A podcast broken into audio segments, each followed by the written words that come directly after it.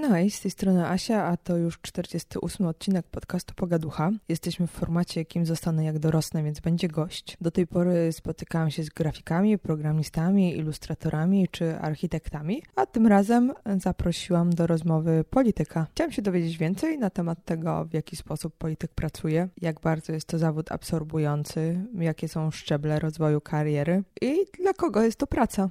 Moim gościem jest Tadeusz Aziewicz, poseł z dużym dorobkiem. Jak przekonacie się w rozmowie, posiada fantastyczne i bogate doświadczenie, zarówno w polityce na poziomie wojewódzkim, regionalnym, czy doświadczenia z pracy w Sejmie. Staram się, aby ta rozmowa nie była rozmową dotykającą poglądów politycznych, choć wiadomo, od tego nie da się uciec, więc takie wątki również się pojawiają. Jest to jednak bardziej rozmowa z szalenie interesującym człowiekiem o interesującej karierze. Mam nadzieję, że Wam się spodoba.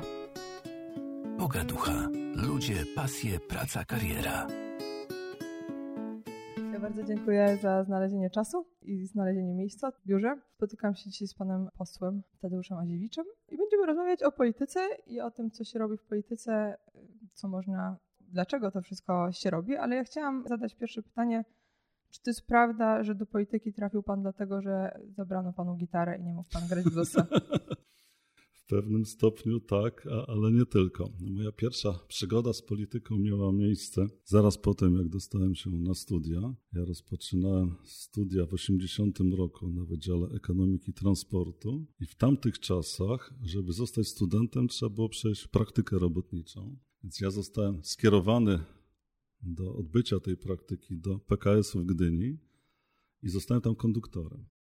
Bardzo mi się nie podobała ta praca, nie ukrywam. I pamiętam, że załatwiłem sobie wtedy jakieś zwolnienie lekarskie. Wróciłem z tego zwolnienia, akurat był to pierwszy dzień strajku. Pracownicy PKS-u właśnie wiecowali i pojawił się problem, bo nie było chętnych, którzy zostaliby w tym PKS-ie na noc.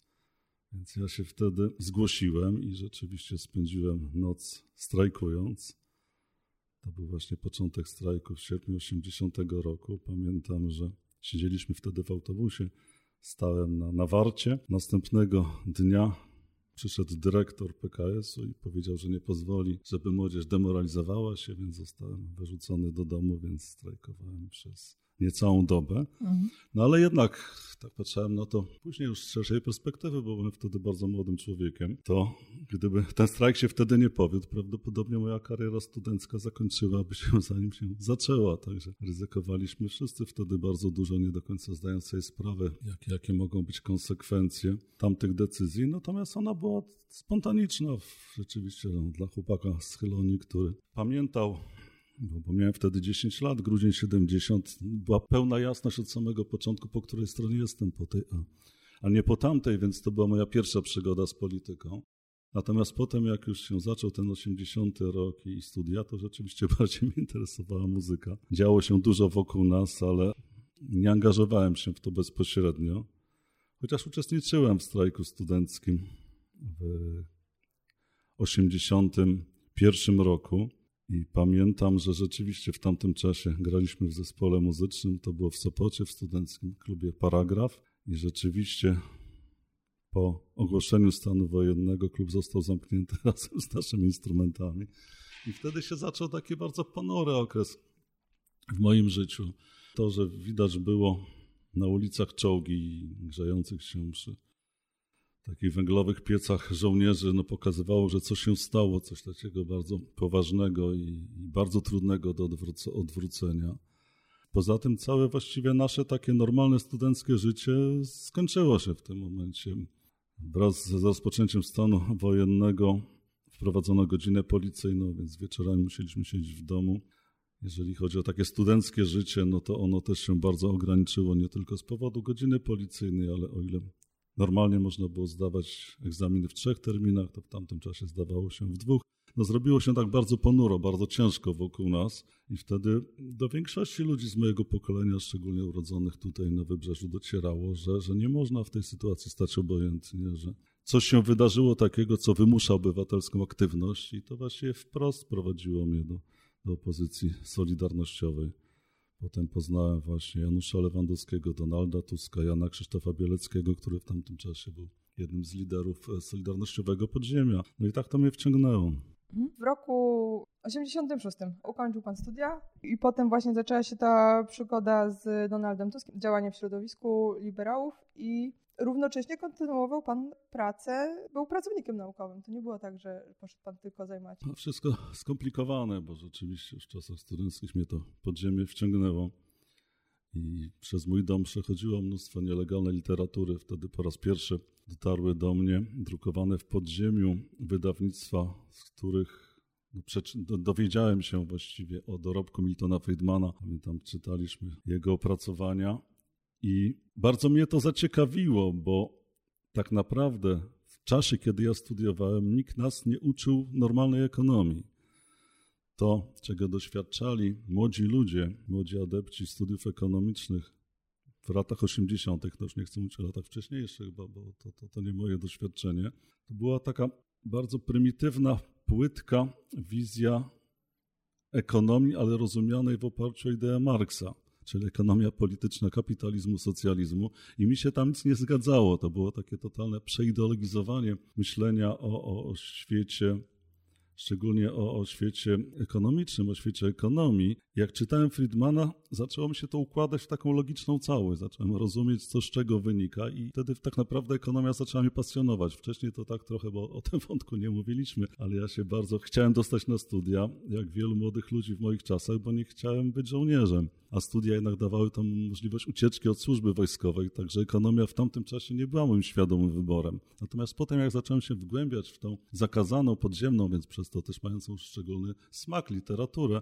zaczęło mnie to wciągać i, i stało się to w jakimś momencie moją pasją. I teraz wracając do, do tych wątków, o których pani mówiła, więc przyszedł taki czas, kiedy musiałem napisać pracę magisterską. I wybrałem sobie temat przyczyny nadmiernej transportochłonności w Polsce, bo wtedy się mówiło, że, że polska gospodarka jest nadmiernie transportochłonna. Transportochłonność to jest generalnie to, ile trzeba jeździć, żeby produkować tam jednostkę e, dochodu narodowego. I mi się z tą transportochłonnością nic nie zgadzało.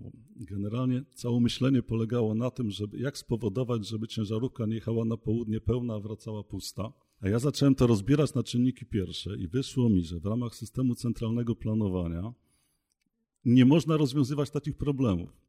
Bo generalnie o tym, czy ciężarówka jeździ pełna czy pusta, gdzie ona jeździ, powinien decydować rynek. A żeby zaistniał rynek, musi być konkurencja. Żeby zaistniała konkurencja, musi być prywatna własność, czyli kluczem jest zmiana, drastyczna zmiana formy własności, żebyśmy mogli te dylematy rozstrzygnąć. No i pamiętam, że nie chcę nazwiska przypominać, ale mój wczesny promotor, jeden z profesorów w uniwersytecie poprosił mnie o to, żebym przedstawił swoje przemyślenia na seminarium, po czym jak się dowiedział, to wyrzucił mnie z seminarium i zakazał obecnym tam studentom mówić cokolwiek o tym, co słyszeli. Inaczej, to było najpierw tak, że mój aktualny promotor, jak się dowiedział, co ja planuję, powiedział, że, bo był doktorem, że to jest nie jego poziom, skierował mnie do profesora.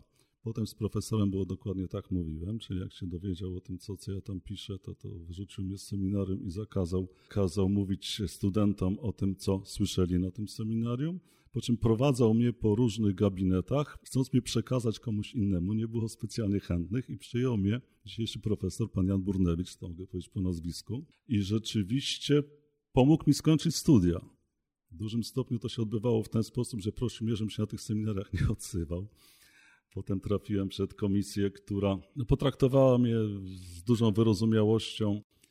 Tam był nieżyjący już profesor Jan Majewski, profesor Andrzej Grzelakowski. Komisja w takim składzie spowodowała, że skończyłem studia, natomiast przygotowując się do tej pracy, cytowałem wydawnictwa podziemne, bo rzeczywiście w bibliografii, której używałem, były, ja wprost nie, nie, nie, nie nazywałem skąd, skąd mam te źródła, ale, ale były takie cytaty. Jak się potem okazało, cytowałem Janusza Lewandowskiego, nie wiedząc, że to jest Janusz Lewandowski, bo Janusz Lewandowski publikował pod dziennym przeglądzie politycznym pod pseudonimem Jędrzej Branecki. Jak on zobaczył w mojej pracy swoje myśli, no to nas zbliżyło, także wtedy, wtedy się zaprzyjaźniliśmy i potem jak kończyłem studia, to poprzez Lewandowskiego trafiłem do Jana Krzysztofa Bieleckiego, który prowadził firmę konsultingową Doradca. Ona zresztą istnieje do dzisiaj. I ta firma ona była bardzo związana z Solidarnościowym Podziemiem. Tam też pracowały osoby, które z różnych powodów nie mogły znaleźć pracy. Bielecki już wtedy myślał strategicznie, myślał w długim horyzoncie. Starał się wykreować grupę ludzi, którzy będą pozyskiwali wiedzę, zakładając, że kiedyś może przyjść taki moment, gdzie będziemy potrzebowali ludzi kompetentnych. Więc pamiętam, że mieliśmy wtedy, jak zaczynałem w 1986 roku w doradcy jeden komputer. Jak się potem dowiedziałem, bo o tym się nie mówiło głośno, to jest jakiegoś przemytu solidarnościowego. Cała firma pracowała na tym komputerze, ale to był wtedy cud bo się okazało, że robiąc jakieś analizy ekonomiczne, mogę to wrzucić do takiej maszyny i ona za mnie policzy, że mogę pisać artykuły i ten tekst będzie edytowany, to w tamtych czasach to, to była zabawka, która strasznie nas mobilizowała, a Bielecki myślał do przodu. Raczej chodziło o to, żeby, żeby się rozwijać, żeby mieć wiedzę. No i jednocześnie oczywiście budowaliśmy też, byliśmy aktywni opozycyjnie, uczestniczyłem w strajkach w 1988 roku w Uniwersytecie Gdańskim. Budowaliśmy właśnie środowisko liberalne, które w jakimś momencie przetworzyło się w najpierw Stowarzyszenie Kongres Liberałów, teraz w grudniu będziemy obchodzili 30-lecie Kongresu Liberałów, później w partię Kongres Liberalno-Demokratyczny. No i tak, tak mnie to niosło do polityki. I rzeczywiście będzie trudno słuchaczom przedstawić, jak to moje życie wyglądało, bo ja robiłem jednocześnie bardzo dużo różnych rzeczy. Pracowałem Bieleckiego w doradcy, jednocześnie od 87 roku byłem pracownikiem Instytutu Teorii Ekonomii Uniwersytetu Gdańskiego. No i jednocześnie zajmowałem się już intensywnie wtedy aktywnością polityczną i to się potem no, w czasie miksowało. Jedne wyzwania się kończyły, zaczynały się nowe, także ja mogę bardzo długo o tym mówić, tylko nie chcę zanudzić, bo tam po drodze był Tygodnik Gdański, Zarząd Miasta Gdyni i tak dalej. A po 89 roku, co, co znaczy jeszcze może inaczej, to musi być trudne, tak to widzę, w momencie, kiedy cała ekonomia jest ekonomią fikcyjną, jakby tego się uczymy, znaczy na, na uniwersytetach, bo pewnych rzeczy nie można mówić, pewna wiedza jest niedostępna, wszystko, co się dzieje w Stanach wszystkie fale, które przychodzą i wszystkie rozwiązania, no, o, tym, o tym nie można dyskutować. Studiowanie, no, właśnie to była kwestia tego myślenia przyszłościowego, tego, że kiedyś ten czas się skończy i będzie coś innego i będzie trzeba używać tej wiedzy, to motywowało do tej pracy, bo ciężko mi znaleźć właśnie motywację. Pracy w uniwersytecie w 1987 mhm. roku. Ja już tam wchodziłem jako osoba, która ma pełną jasność tego, po co tam idzie i co chce robić i to, że mnie nie wyrzucili, to też jest cud. Bo to moi studenci, bo, bo pojawiają się tacy pełniący w tej chwili bardzo poważne funkcje w różnych sferach życia, mogą potwierdzić, ja nigdy nie oszukiwałem studentów i właściwie od samego początku realizowałem z nimi nie to, co wynikało z programu, który mieliśmy realizować, tylko to, co uważałem za słuszne. Także od samego początku mówiłem o wolnym rynku, mówiłem o prywatnej własności. W tamtych czasach to były herezje. Może z dzisiejszej perspektywy może byłem bardziej wstrzemięźliwy, bo jednak ci ludzie później musieli zdawać egzaminy w oparciu o tamten materiał, który miał być realizowany. Natomiast to była schyłkowa komuna. Też wielu pracowników Uniwersytetu Wydziału Ekonomii w tamtym czasie miało podobne do mnie poglądy i to wszystko się też już działo trochę z takim przymrużeniem oka. Wszyscy generalnie chcieliśmy przekazywać młodym ludziom prawdę. To w, może w dzisiejszych czasach to brzmi tak bardzo patetycznie, ale wtedy to miało no, szczególny wymiar dla nas wszystkich, bo to też potwierdzało trochę sens pracy nauczyciela. No nie można dobrze wykonywać tej pracy, jeżeli się oszukuje studentów. I pamiętam takim wielkim wyzwaniem dla naszego środowiska było przetłumaczenie książki Kenziego. Taki, taka, taką gruba cegła autorstwa pana Mackenziego została przekazana nam przez jakąś fundację amerykańską. Nawet chyba mam parę egzemplarzy jeszcze tej książki w domu domu. To też wszystko było jakieś nieformalne i nielegalne. W każdym razie wielu pracowników naukowych naszego uniwersytetu, Anna Zielińska-Głębocka na przykład, Mirek Mironowicz, zaangażowali się w tłumaczenie tej książki i w efekcie my pewnego momentu uczyliśmy już studentów normalnej ekonomii, na tyle, na ile byliśmy w stanie oczywiście przy tamtym poziomie wiedzy. I mam jeszcze pewnie gdzieś w domu, jakbym dobrze poszukał rękopisy, które kserowaliśmy, czyli zanim ta przetłumaczona książka została wydana ostatecznie, my już posługując się kserokopiarką, powielaliśmy te rękopisy i staraliśmy się uczyć studentów tak, jak uważaliśmy, że, że, że to jest słuszne. Także to, to było fajne wyzwanie. Jakoś miałem tam jakieś rozmowy dyscyplinujące, jakieś tam komisje, które przychodziły na moje zajęcia, jakieś represje w postaci dodatkowych godzin, ale nikt mi krzywdy nie zrobił, także nie mogę narzekać. To już była taka zdychająca komuna. Uważam, że jak ktoś był, był wtedy w miarę odważny, to można było w miarę dużo. Mhm. To dzisiaj, no, tak jak pan mówi, ma pan wiele zainteresowań, ale między innymi jednym z nich, z tego co słyszałam, prostować, są e, stosunki polsko-litewskie. Dobrze mówię? No trudno, żeby było inaczej, skoro mój ojciec przyjechał na, na Pomorze z Wilna, więc to są moje rodzinne strony. I mam ciągle chyba więcej grobów w okolicach Nowej Wilejki pod Wilnem niż, niż tutaj na Pomorzu. Aczkolwiek to się niestety zmienia, także zainteresowanie relacjami polsko-litewskimi z mojej perspektywy to absolutnie normalna rzecz. Także w Sejmie Pracuję od wielu lat w grupie parlamentarnej Polska Lit. Przez 8 lat byłem przewodniczącym tej grupy, no teraz rządzi PiS, więc jestem wiceprzewodniczącym. W tej grupie trochę mniej się dzieje, ale rzeczywiście tak, często bywam na Litwie. Rzeczywiście pierwszy raz byłem po 80 roku, zaraz po strajkach też pamiętam, że miałem kłopot, bo skutkiem mojego strajkowania było to, że urząd, dzisiaj się nazywa Urząd Spraw Wewnętrznych, wtedy to nie pamiętam, komenda policji chyba jakaś wojewódzka była, w każdym razie nie chcieli mi dać tej pieczątki w dowodzie w oparciu o którą można było przekroczyć granicę. Potem po raz kolejny byłem w 91 roku, w czasie, kiedy Litwini walczyli o niepodległość. Mm. Polała się krew, rzeczywiście były ofiary, także był, szturm sowieckich komandosów na wieżę telewizyjną. Widziałem wtedy no, bardzo odważnych ludzi, takich bardzo zdeterminowanych w obronie swojej wolności.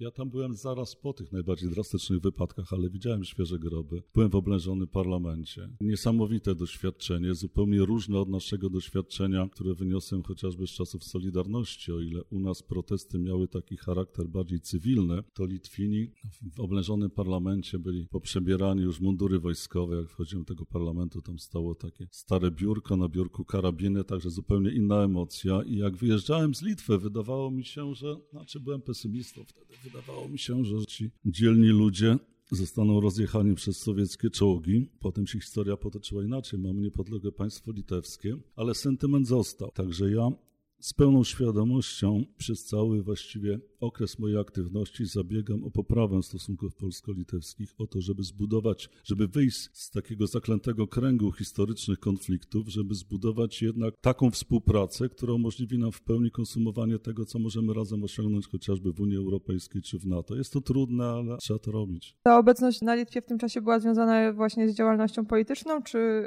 Trochę tak, trochę, trochę polityka trochę przypadek, bo, bo to było tak, że zostaliśmy zaproszeni tutaj jako środowisko liberałów gdańskich przez taką fundację z Ameryki, już nie pamiętam, czy były Stany Zjednoczone czy Kanada, do udziału w konferencji na temat budowania demokracji w krajach postkomunistycznych. I delegacja była bardzo liczna, natomiast później im bardziej realna stawała się ta podróż, to ona topniała. I z kilkunastoosobowej delegacji dojechało nas do tego Wilna cztery osoby. Nie dojechali główni prelegenci, już nie chcę nazwisk wymieniać, bo nie, nie warto, ale w tej grupie, która dojechała, no, znalazł się znany pewnie pani Dariusz Filar, dzisiaj profesor Uniwersytetu Gdańskiego, wcześniej Rada Polityki Pieniężnej, chyba już w tej chwili nie jest w tej radzie. I pamiętam, że był kompletnie nieprzygotowany, bo te osoby, które miały wygłosić referaty, nie dojechały. I pamiętam, że zamknął się w hotelu, rzeczywiście przez całą noc siedział i przygotował swoje wystąpienie. Wypadł bardzo dobrze, był wtedy też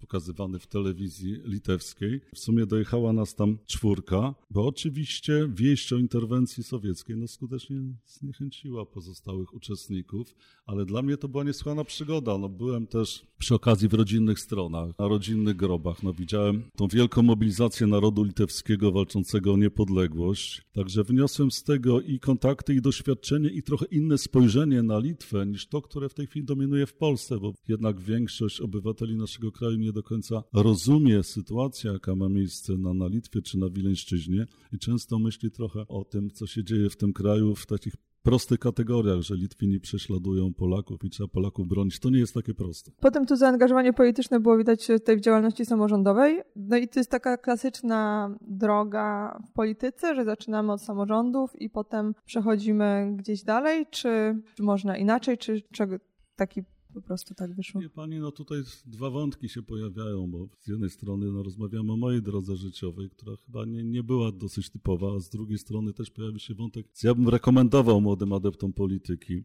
No w moim życiu wiele zdarzeń zdeterminowała historia, po prostu komuna padła i w jakimś momencie ktoś musiał brać odpowiedzialność za to, co dalej z naszym krajem, a kto miał to robić, jak nie my, więc ja w ten sposób Trafiłem do samorządu gdyńskiego, byłem w zarządzie Gdyni, byłem radnym przez 8 lat. Natomiast pewnie w innej sytuacji bym wolał pracować w uniwersytecie, dalej się zajmować ekonomią, relacjami ze studentami, które chyba miałem dobre i ta praca sprawiała mi satysfakcję. Natomiast są czasami w życiu takie momenty, gdzie po prostu nie można uciekać od odpowiedzialności, a ponieważ w to wszedłem, no to wciągało. To tak to się dzieje. Natomiast generalnie droga młodego człowieka, który chce zajmować się aktywnością polityczną, ona powinna, moim zdaniem, zawierać w sobie przekraczanie kolejnych etapów, takie stopniowe poznawanie materii, pozyskiwanie kompetencji. I z tej perspektywy patrząc, moje takie trochę przypadkowe wejście do samorządu, które później prowadziło mnie do samorządu wojewódzkiego, do rządu, do Sejmu, ono, ono było dobre.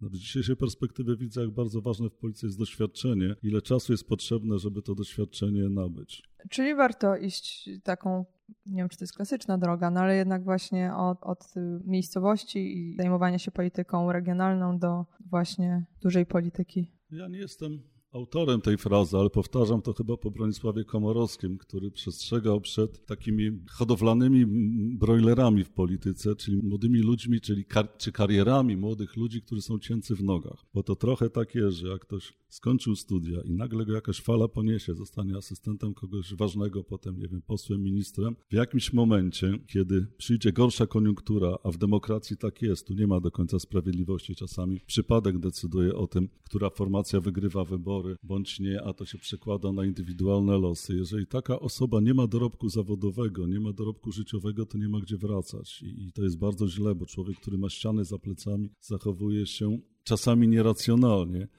Więc ja wierzę głęboko w takie pójście w górę, ale mocno osadzone w fundamentach. Najlepiej dzielnica, potem miasto, potem województwo, potem parlament. No mam to doświadczenie, tak mi się w życiu poukładało, że dostępne są właściwie wszystkie możliwe perspektywy, bo pracowałem w rządzie, a jestem w tej chwili posłem, wcześniej byłem w samorządzie miejskim, w samorządzie wojewódzkim, więc jak mówię o pewnych zjawiskach, to ja wiem o czym mówię. No mam też doświadczenie gospodarcze, bo pracowałem też w firmie konsultingowej, także żeby podejmować decyzje, trzeba rozumieć świat, w którym funkcjonujemy, a zawsze inną możliwość oceny świata daje bezpośrednie doświadczenie niż taka wiedza akademicka albo taka, która pochodzi z telewizji. No to jeszcze chciałam zapytać na przykład o, ponieważ był Pan mm, prezesem Urzędu Ochrony Konkurencji i Konsumentów, na ile to jest polityczne? Znaczy, jeśli ktoś na przykład chciałby właśnie zajmować się ochroną konkurencji i konsumentów, wie, ma wiedzę ekonomiczną w tym zakresie. Da, da, się to w jakiś sposób odizolować od polityki? nie do końca nie da. No, raczej, raczej założenie jest takie i w tym kierunku zmierzają kraje cywilizowane, żeby tą funkcję maksymalnie oddzielić od polityki. Że prezes ochrony konkurencji i konsumentów no, zachowywał się jako bezstronny, niezależny regulator, który wymusza na przykład na, na firmach działających w warunkach monopolu bądź posiadających pozycję dominującą na rynku takie zachowania, jakie dokonywałyby, gdyby ten rynek był stricte konkurencyjny. To, czyli to jest jakaś forma protezy, forma państwowej ingerencji. To jest jedyna właściwie możliwość, żeby zabezpieczyć konsumentów czy mniejsze firmy przed skutkami monopolii. Natomiast czy da się to do końca oderwać od polityki? Nie da się. Także Urząd Ochrony Konkurencji i Konsumentów jest trudnym urzędem, bo jeżeli ktoś chce dobrze wykonywać swoją pracę, to wchodzi w konflikty właściwie z najpotężniejszymi ludźmi w Polsce, bo dotyka najpoważniejszych interesów, a te interesy promieniują na politykę, więc prawie każdy prezes, jeżeli dobrze wykonuje swoją pracę, szanuje misję, do której został powołany, musi być obijany i musi wchodzić w konflikty. Także Mam swoje doświadczenia w tej materii, bardzo kibicowałem mojej, no nie chcę powiedzieć wychowanka, bo to, bo to za mocno powiedziane, ale pani Małgorzata Krasnodębska-Tomkiel w czasie, kiedy ja byłem prezesem, zaczynała swoją pracę w Łokiku, potem doszła do stanowiska prezesa. Jeżeli komuś zawdzięczamy to, że nasza energia pomorska nie została skolonizowana przez PG, to właśnie tej dziewczynie, która postawiła się swojemu rządowi rządka i wygrała przed sądem. Doświadczenia z polityką są takie, jakie widzimy często w telewizji, więc widzimy po telewizji śniadaniowej jakieś takie spotkania przy stole, gdzie spotykają się politycy i zazwyczaj dużo krzyczą. I to tak wygląda? Czy, czy w codziennym życiu polityka każdy dzień to jest kłócenie się i przekrzykiwanie z innymi ludźmi? No jakoś ja chyba mało krzyczę, chyba mało mi pani widzi. W tych przestrzeniach, gdzie te awantury się dzieją, no czasami chodzę tutaj do lokalnej telewizji i czasami, no nie wiem, spotkam kolegę Śniadka czy koleżankę Arciszewską, to trudno jest o wykwintną konwersację, ale generalnie nasza praca w Sejmie powinna polegać na podejmowaniu dobrych decyzji. Ja przez 8 lat kierowałem Komisją Skarbu Państwa i moim Obowiązkiem i wyzwaniem było zapewnienie komfortu pracy wszystkim posłom, również posłom z opozycji, tak aby mieli dostęp do informacji, do, do szczegółowej informacji i żeby w oparciu o to no, mogli podejmować dobre decyzje. I rzeczywiście w Sejmie no, dzieje się różnie, bo to jest ogromna mnogość zdarzeń, także trudno jest to, to wszystko w takim jednym worku umieścić ale generalnie jest poziom pracy w komisjach, gdzie się powinno rozmawiać merytorycznie, no jest poziom debaty takiej sejmowej na mównicy, gdzie, gdzie krzykaczom jest łatwiej media, media, które, no, komercyjne media są rozliczane z oglądalności, też chętniej kupują właśnie jakieś ekstremalne zdarzenia, bo one dają tą, tą dużą oglądalność. Politycy o tym wiedzą, więc czasami świadomie kreują skandale, że potem być w tym szkle kontaktowym, co potem daje rozpoznawalność i tak dalej. Natomiast no mam, to jest moja czwarta kadencja w Sejmie, więc mam szeroką perspektywę. Wiem, jak ten Sejm wyglądał. Ja zacząłem w 2005 roku jeszcze za Lepera, Giertycha i Kaczyńskiego jak wyglądał potem przez 8 lat rządu Platformy, jak wygląda teraz. Ze smutkiem stwierdzam, że tak źle jak teraz to nie było nigdy i w tej chwili naprawdę bardzo trudno o poważną debatę, no ale mam nadzieję, że to jest jakaś przejściowa choroba polskiej demokracji, że to się w nieodległej perspektywie zmieni. Na ile to jest demotywujące, że to wszystko się zmienia cyklicznie i to jest taka praca, w której trzeba mieć dużo takiej wiary w to, co się robi, takiego samozaparcia, bo to dla mnie wydaje się być bardzo męczące, że robię jakąś pracę przez 4 lata, a potem zmienia się rząd i albo mi to wyrzucą do śmietnika, albo nie, no to jakby wszystkie badania na temat pracy mówią, że to nie pomaga w motywacji i w działaniu. Nie, no, nie, jest, to, jest to bardzo trudna droga życia. I też przestrzegam osoby, które, które wchodzą do polityki, myślą, że to jest tak fajnie, bo się rządzi i się korzysta z wielu różnych przywilejów. Nie można latać za darmo samolotem i to jest takie fajne. Nie, to jest bardzo trudny wybór życiowy. I w tej pracy, twierdzam to ze smutkiem, ale niewiele jest sprawiedliwości. To nie wprost tak polega, że ktoś ciężko pracuje, dobrze pracuje i to mu daje gwarancję sukcesu. To, co ostatecznie się w polityce rozstrzyga, no jest wypadkową wielu różnych zdarzeń, czasami pewnych trendów, nawet większych od nas. Czasami idzie przez świat jakaś fala, nie wiem, na przykład fala nacjonalizmu i jednostka tej fali nie zatrzyma, co nie znaczy, że nie powinna próbować. Także tu mamy do czynienia z ogromną nieprzewidywalnością, no ale to też daje satysfakcję, no bo jest to wielkie wyzwanie i nie można uciekać, trzeba sprostać, trzeba sobie z tym jakoś poradzić. Jeden sobie radzi lepiej, drugi gorzej. Natomiast z mojej perspektywy, no to wszystko ma sens, jeżeli za tym idzie silna motywacja, jeżeli mam takie poczucie, że w efekcie mojej pracy nasz kraj może się stać choć trochę lepszy, jakaś decyzja może być podjęta lepsza niż gorsza, no to znaczy, że warto. Są czasami takie sytuacje, gdzie rzeczywiście ta zła fala płynie, więc wtedy też trzeba się jej przeciwstawić, ktoś musi to zrobić. Natomiast cykliczność tak, bo, bo dużo się udało zbudować w ciągu ośmiu lat rządów Donalda Tuska je wykopać w końcówce. Nawet patrzę na, na, na firmy pomorskie. Na przykład pamiętam, w, jakiej, w jakiej sytuacji była firma Energa za naszych czasów, jakie wyniki miały y, znakomite. I potem jak widzę, że na tą firmę najeżdża cała fala Pisiewiczów i właściwie rozszarpuje ten cały dorobek, no to mogą ręce opaść. No ale to jest zajęcie dla twardych ludzi, to trzeba zęby zacisnąć zrobić wszystko, co można, żeby wygrać i będziemy naprawiać znowu. Przychodzi młodzież do polityki, czy raczej się nie zdarza? Różnie to bywa. Przychodzą młodzi ludzie, bardzo różni młodzi ludzie i ciekawi i nieciekawi. Trochę inaczej wygląda to z perspektywy partii rządzącej, no bo wtedy zawsze przychodzi taka fala ludzi, którzy sądzą, że w tym momencie można łatwo zrobić kariery. Wielu z nim to się udaje. Zdarzają się pomyłki personalne, ale zdarzają się też bardzo ciekawe osoby, które chłoną wiedzę, które rosną bardzo szybko, bardzo szybko dorastają. Zmiana pokoleniowa w policji jest potrzebna bo my też nie będziemy wieczni z naturalnych względów. Ta naturalna wymiana powinna się odbywać. Mi bardzo zależy na tym, żeby ta zmiana się odbywała, ale żeby to była realna zmiana na lepsze. Także budując jakieś środowisko wokół siebie, bo, bo to się dzieje od wielu, wielu lat, zawsze bardzo mocno podkreślam ten walor samorozwoju żeby młodzi ludzie obserwowali, uczestniczyli, pozyskiwali wiedzę, doświadczenia, żeby idąc do polityki starali się jednak mieć też jakiś inny dorobek, żeby mieli gdzie wracać, bo człowiek, który nie ma gdzie wracać, to jest słaby człowiek, bo w tym momencie się bardzo uzależnia od zmieniających się koniunktur, zmieniających się trendów i spokojnie przekraczając kolejne etapy, żeby po prostu do, dokonywali tego naturalnego oczywiście rozwoju, który powinien prowadzić do zmiany na lepsze. No często widzę u młodych ludzi, ale młodość taka chyba musi być, taką, taką, taką trochę nerwową potrzebę szybkich awansów. Ja, powtarzam, rzeczywiście funkcjonuję w życiu publicznym długo i ja dużo widziałem osób, które robiły karierę i potem, potem bardzo boleśnie te kariery się kończyły i źle jest, jeżeli człowiek nie ma gdzie wracać. Źle jest, jeżeli uzależnia od kariery właściwie całą swoją samoocenę, szczególnie jeżeli jeszcze to potem wiąże się mm, z podstawami egzystencji rodziny. Także zawsze namawiam do lekkiego dystansu. Działalność publiczna to fajne wyzwanie, trzeba to robić. Jest to jedna z większych wartości w demokratycznym kraju, bo jednak człowiek daje coś z siebie innym ludziom. Natomiast dobrze jest robić to racjonalnie, ze świadomością, że koniunktury się zmieniają, że czasami w polityce jak idzie za łatwo, to potem przychodzi bardzo ciężki czas i trzeba na ten ciężki czas też być przygotowany. No to myślę, że jest bardzo cenna wskazówka dla wielu osób. Wiem, że interesuje się Pan stosunkami polsko-koreańskimi, więc zapytam jeszcze. Ja przewodniczę polsko-koreańskiej grupie w Sejmie ciągle. Y, zaciekawił mnie ten kraj.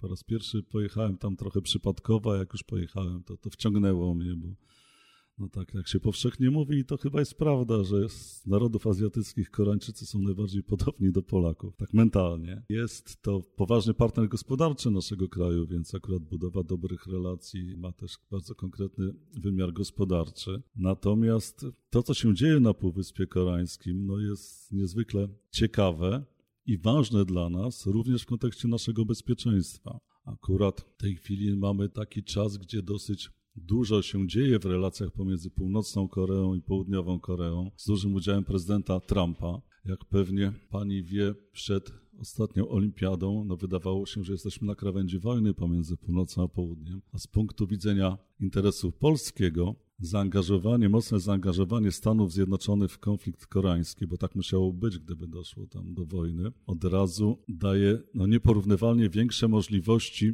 państwu rosyjskiemu w kontekście ewentualnej agresji w naszych okolicach. Mam tutaj na myśli Ukrainę. Także działanie na rzecz stabilizacji na Półwyspie Koreańskim, budowanie tam trwałego pokoju jest to problem nie tylko Koreańczyków, ale całego świata, w tym również Polski. Dużo się ostatnio też mówi o tym, że ten wizerunek Korei, który jest zbudowany w mediach, bardzo odbiega od tego, jaka ta Korea jest naprawdę. Północna czy południowa?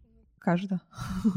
No ja w północnej nie byłem z oczywistych względów. Byłem tylko na granicy, byłem w strefie zemilitaryzowanej, więc patrzyłem na tą północną Koreę przez lornetkę, no ale z tego co wiadomo o tym kraju, no to, to jest kraj funkcjonujący w bardzo dramatycznych realiach. Ludzie żyjący rzeczywiście w wielkim ubóstwie, gnębieni przez totalitarny reżim. Natomiast jeżeli chodzi o Koreę Południową, no to jest materiał na długą rozmowę. Jaki jest wizerunek Koreańczyka w Polsce, jacy oni są naprawdę? No Wielu mam znajomych i, przyjaciół, z którymi wielokrotnie rozmawiałem, przyjaciół Koreańczyków oczywiście. Ja widzę, że bardzo szybko nawiązujemy kontakt, że bardzo dobrze nam się rozmawia, dobrze rozumieją Polskę i są w dużym stopniu do nas podobni. Także ja tu nie widzę jakiegoś napięcia, że, że są inni niż nam by się wydawać mogło. Raczej wydaje mi się, że są i powinni być tak, takim trochę pasem transmisyjnym wprowadzającym nas w realia azjatyckie, tak żeby rzeczywiście Polska mogła w większym stopniu gospodarczo korzystać z tego, co się dzieje w Azji w kontekście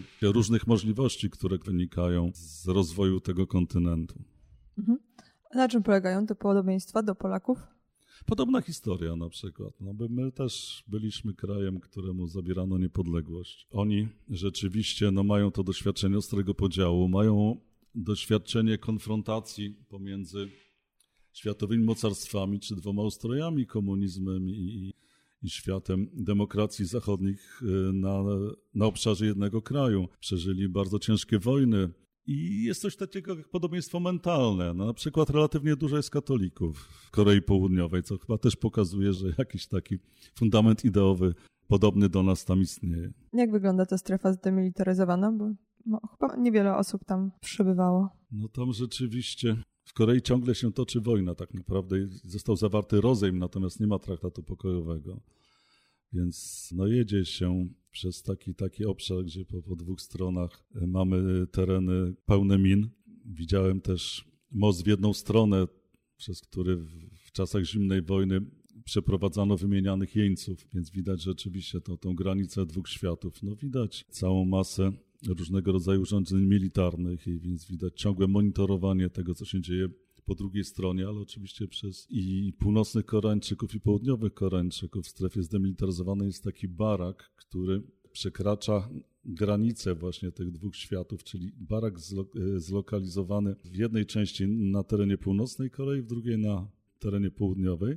I oczywiście dwie strony mogą na zasadzie konsensusu korzystać z tego baraku, więc mi się zdarzyło tam być, co powoduje, że od razu w oknie pojawia się strażnik północno-koreański, tam prawie przykleja nos do szyby i, bardzo uważnie przygląda się temu, co tam robimy. No generalnie doświadczenie bardzo ponure, doświadczenie pokazujące, że jest pewien fragment świata, gdzie, gdzie właściwie wojna się nie skończyła, że jeszcze ciągle tam trwają te demony, które wydawałoby się, że już we współczesnym świecie mamy za sobą. No jest to też jakaś przestroga. Cieszmy się z tego, że mamy pokój, cieszmy się z tego, że nie ma granic, że żyjemy w wolnym kraju, w Unii Europejskiej. Mam wrażenie, że w Polsce trochę tej radości mamy za mało i, i to się niestety przekłada też i na wyniki wyborcze, i na kłopoty, które ma nasza demokracja. Właśnie w temacie tej Unii Europejskiej Jaka jest różnica między polityką na tym poziomie europejskim, gdzieś w Brukseli, a tą polityką tutaj naszą polską?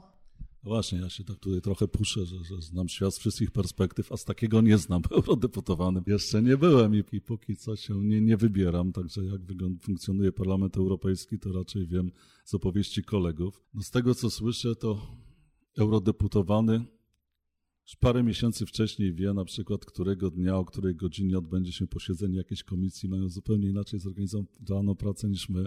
No, u nas w Sejmie panuje w tej chwili totalny chaos właściwie. Czasami wyjeżdżam na Sejm, który ma trwać do, do czwartku, potem się okazuje, że on trwa do piątku albo odwrotnie.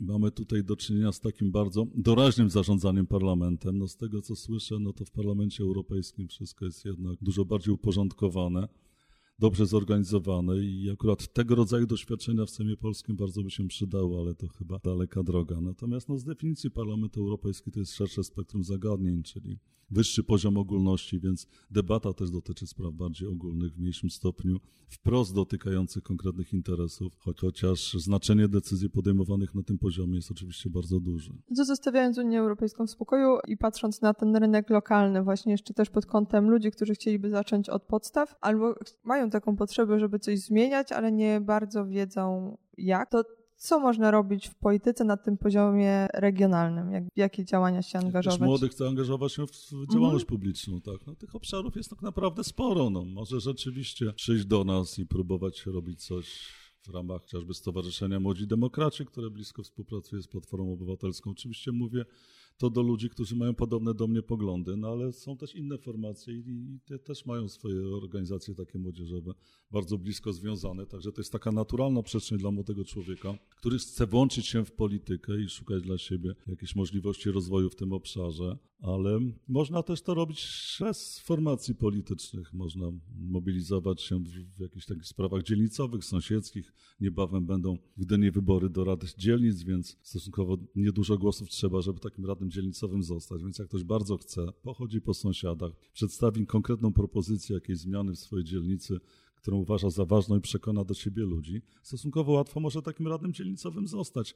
A jak już jest, no to w tym momencie też już bierze na siebie jakąś odpowiedzialność, ma jakiś tam nieduży, ale, ale jakiś budżet, może jakąś aktywność prowadzić, nabywać doświadczenia, ale też pokazywać się ludziom. Bo jeżeli ktoś coś sensownego robi po jej dzielnicy, to ludzie to zobaczą i docenią, więc stąd już też prosta droga do próbowania swoich sił w wyborach do Rady Miasta. Można próbować oczywiście, tak już wspominałem, w ramach partii politycznych czy stricte politycznych formacji, no ale też są modne w tej chwili tak zwane ruchy miejskie, czyli mobilizowanie się ludzi w oparciu o jakieś konkretne idee, no z takim dystansem do dużej polityki. No ma w tej materii trochę może odrębny pogląd z oczywistych względów, ale też szanuję, bo każdy powinien sobie szukać takiego miejsca, któremu najbardziej odpowiada. W końcu jesteśmy w wolnym kraju i na tym też polega demokracja. Takie bycie radnym miasta jest bardzo absorbujące. Jakby chodzi mi tutaj o argument, że a nie mam czasu. Dużo się zmieniło od moich czasów, bo jak ja byłem radnym, to rzeczywiście radni przez mieli dużo więcej kompetencji, bo to wtedy radni wybierali prezydenta. Nie prezydent wskazywał, kto będzie z jego listy kandydował. Rady były większe, ale przez to, że były większe, to też dawało większą możliwość możliwość partycypacji społecznej, łatwiej było wejść na rynek. Także ja, ja tamten czas wspominam bardzo dobrze, bo to rzeczywiście była taka buzująca demokracja.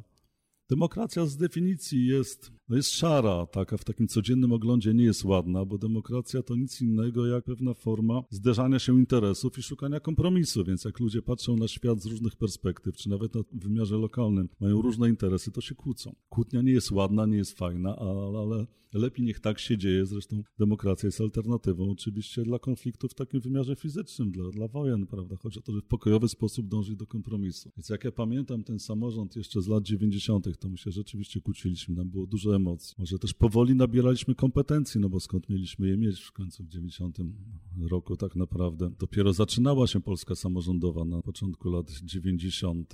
Natomiast w tej chwili mam wrażenie, że już rady są bardziej profesjonalne, są mniejsze. Nieporównywalnie większe znaczenie w tej chwili ma osoba prezydenta wybieranego w bezpośrednich wyborach i on kumuluje całą tą główną część władzy. Także od samych radnych relatywnie mniej zależy niż czasach, o których mówiłem. Także nie mam takiego poczucia, żeby ta praca była tak bardzo absorbująca. Oczywiście wszystko zależy, co kto robi w wymiarze zawodowym, ile ma wolnego czasu i jak bardzo chce się angażować. Ale to są indywidualne wybory konkretnych osób. Każdy jest inny i każdy też może coś innego wnieść do Rady Miasta. Są tacy, którzy mogą wnieść profesjonalną wiedzę, bo akurat mają taką kompetencję, nie wiem, w zakresie na przykład transportu lokalnego, czy wodociągów i kanalizacji, usług komunalnych szeroko rozumianych, a są tacy, którzy mają łatwość komunikowania się z ludźmi, mają taką pasję społecznikowską i to też jest ważne, to też jest potrzebne, żeby być takim pasem transmisyjnym od mieszkańców decyzji podejmowanych już w wymiarze samorządowym. Udało się panu odzyskać tę gitarę i wrócić do grania? Gitarę odzyskałem, tak. Potem podarowałem ją, pamiętam, młodemu sąsiadowi z Chyloni, który lepił mi plakaty w 1994 roku, także przekazałem w dobre ręce. Ale tam rzeczywiście po latach sobie kupiłem kolejne gitary, także trochę, trochę ich w domu stoi już tak z czystego sentymentu, bo, bo nie mam czasu i nie uważam się też za osobę utalentowaną. Natomiast lubię je mieć, lubię rzeczywiście pohałasować sobie czasami no wszyscy też potrzebujemy trochę innego świata niż ten, którym się na co dzień zajmujemy. Także podchodzę do tego z pokorą i liczę na wyrozumiałość w tej materii ze strony członków rodziny i sąsiadów. Podobno dobrze pan gotuje. Tak. No, gotować lubię, tak. To też jest jakaś forma, jak wracam z Warszawy, szczególnie po tych dniach, kiedy są głosowania, to, to, to, czasami szukam takiego wyciszenia naturalnego. Bo jednak w czasie, kiedy odbywają się głosowania, to trwa nierzadko naprawdę wiele godzin. Na sali plenarnej w Sejmie znajdują się wszyscy posłowie i generalnie ludzie, którzy patrzą na to w telewizji, nie zdają sobie sprawy z tego, że wszyscy generalnie krzyczą. Więc siedzi się przez ileś tam godzin, będąc poddany inwazji dźwięków z lewej strony, z prawej, z za pleców, z mównicy, bo ktoś tam z mównicy przemawia, ktoś za moich pleców, nie wiem, coś tam wykrzykuje, komentuje głośno. No, taki jest parlament. Więc w jakimś momencie, jak już dojeżdżam do, do Gdyni, do swojego domu, no to szukam wyciszenia i czasami rzeczywiście lubię sobie kroić jakieś warzywa i gotować to, co akurat lubię. A lubię rzeczywiście, a generalnie lubię ostre przyprawy, więc to wszystko, to co umiem gotować, to generalnie jest bardzo ostre, więc nie, nie każdemu polecam. Ale tak, mój syn twierdzi, że mu to smakuje, więc może nie jest to najgorsze gotowanie. Dziękuję bardzo. Myślę, że to jest bardzo dużo cennych informacji dla słuchaczy, dużo inspirujących historii. No długo można mówić, natomiast z konieczności muszę się jakoś streszać, bo tych wątków jest strasznie dużo rzeczywiście. Długa droga życia i no, myślę, że jeszcze dużo się wydarzy. A jest coś takiego, co warto było powiedzieć młodym ludziom jeszcze na zakończenie? No, żeby słuchali głosu serca, żeby robili to, co czują, bo człowiek nie jest w stanie do końca przewidzieć przyszłości. Jak się też za dużo kombinuje, to czasami można zmarnować życie. Ja też się kierowałem w życiu intuicją. Tak bywało, że miałem dosyć szerokie spektrum wyborów i, i właściwie mogłem różne rzeczy robić. No nie wspomniałem pani, że byłem też dziennikarzem w Tygodniku Gdańskim przez ponad rok. I szedłem za głosem jednak no serca, szukałem takiej ścieżki, która mogła mi dać największą satysfakcję. I z perspektywy patrzę, że, że chyba się czuję jakoś życiowo spełniony. Robiłem przez całe życie to, co chciałem robić. No pieniędzy nie zarobiłem, nie jestem bogatym człowiekiem, natomiast nie mam poczucia zmarnowanego życia i tego, tego życzę młodym ludziom, żeby, żeby mieli po latach tą możliwość spełnienia, że robili to, co chcieli robić. To by było na tyle. Kolejny odcinek już za tydzień.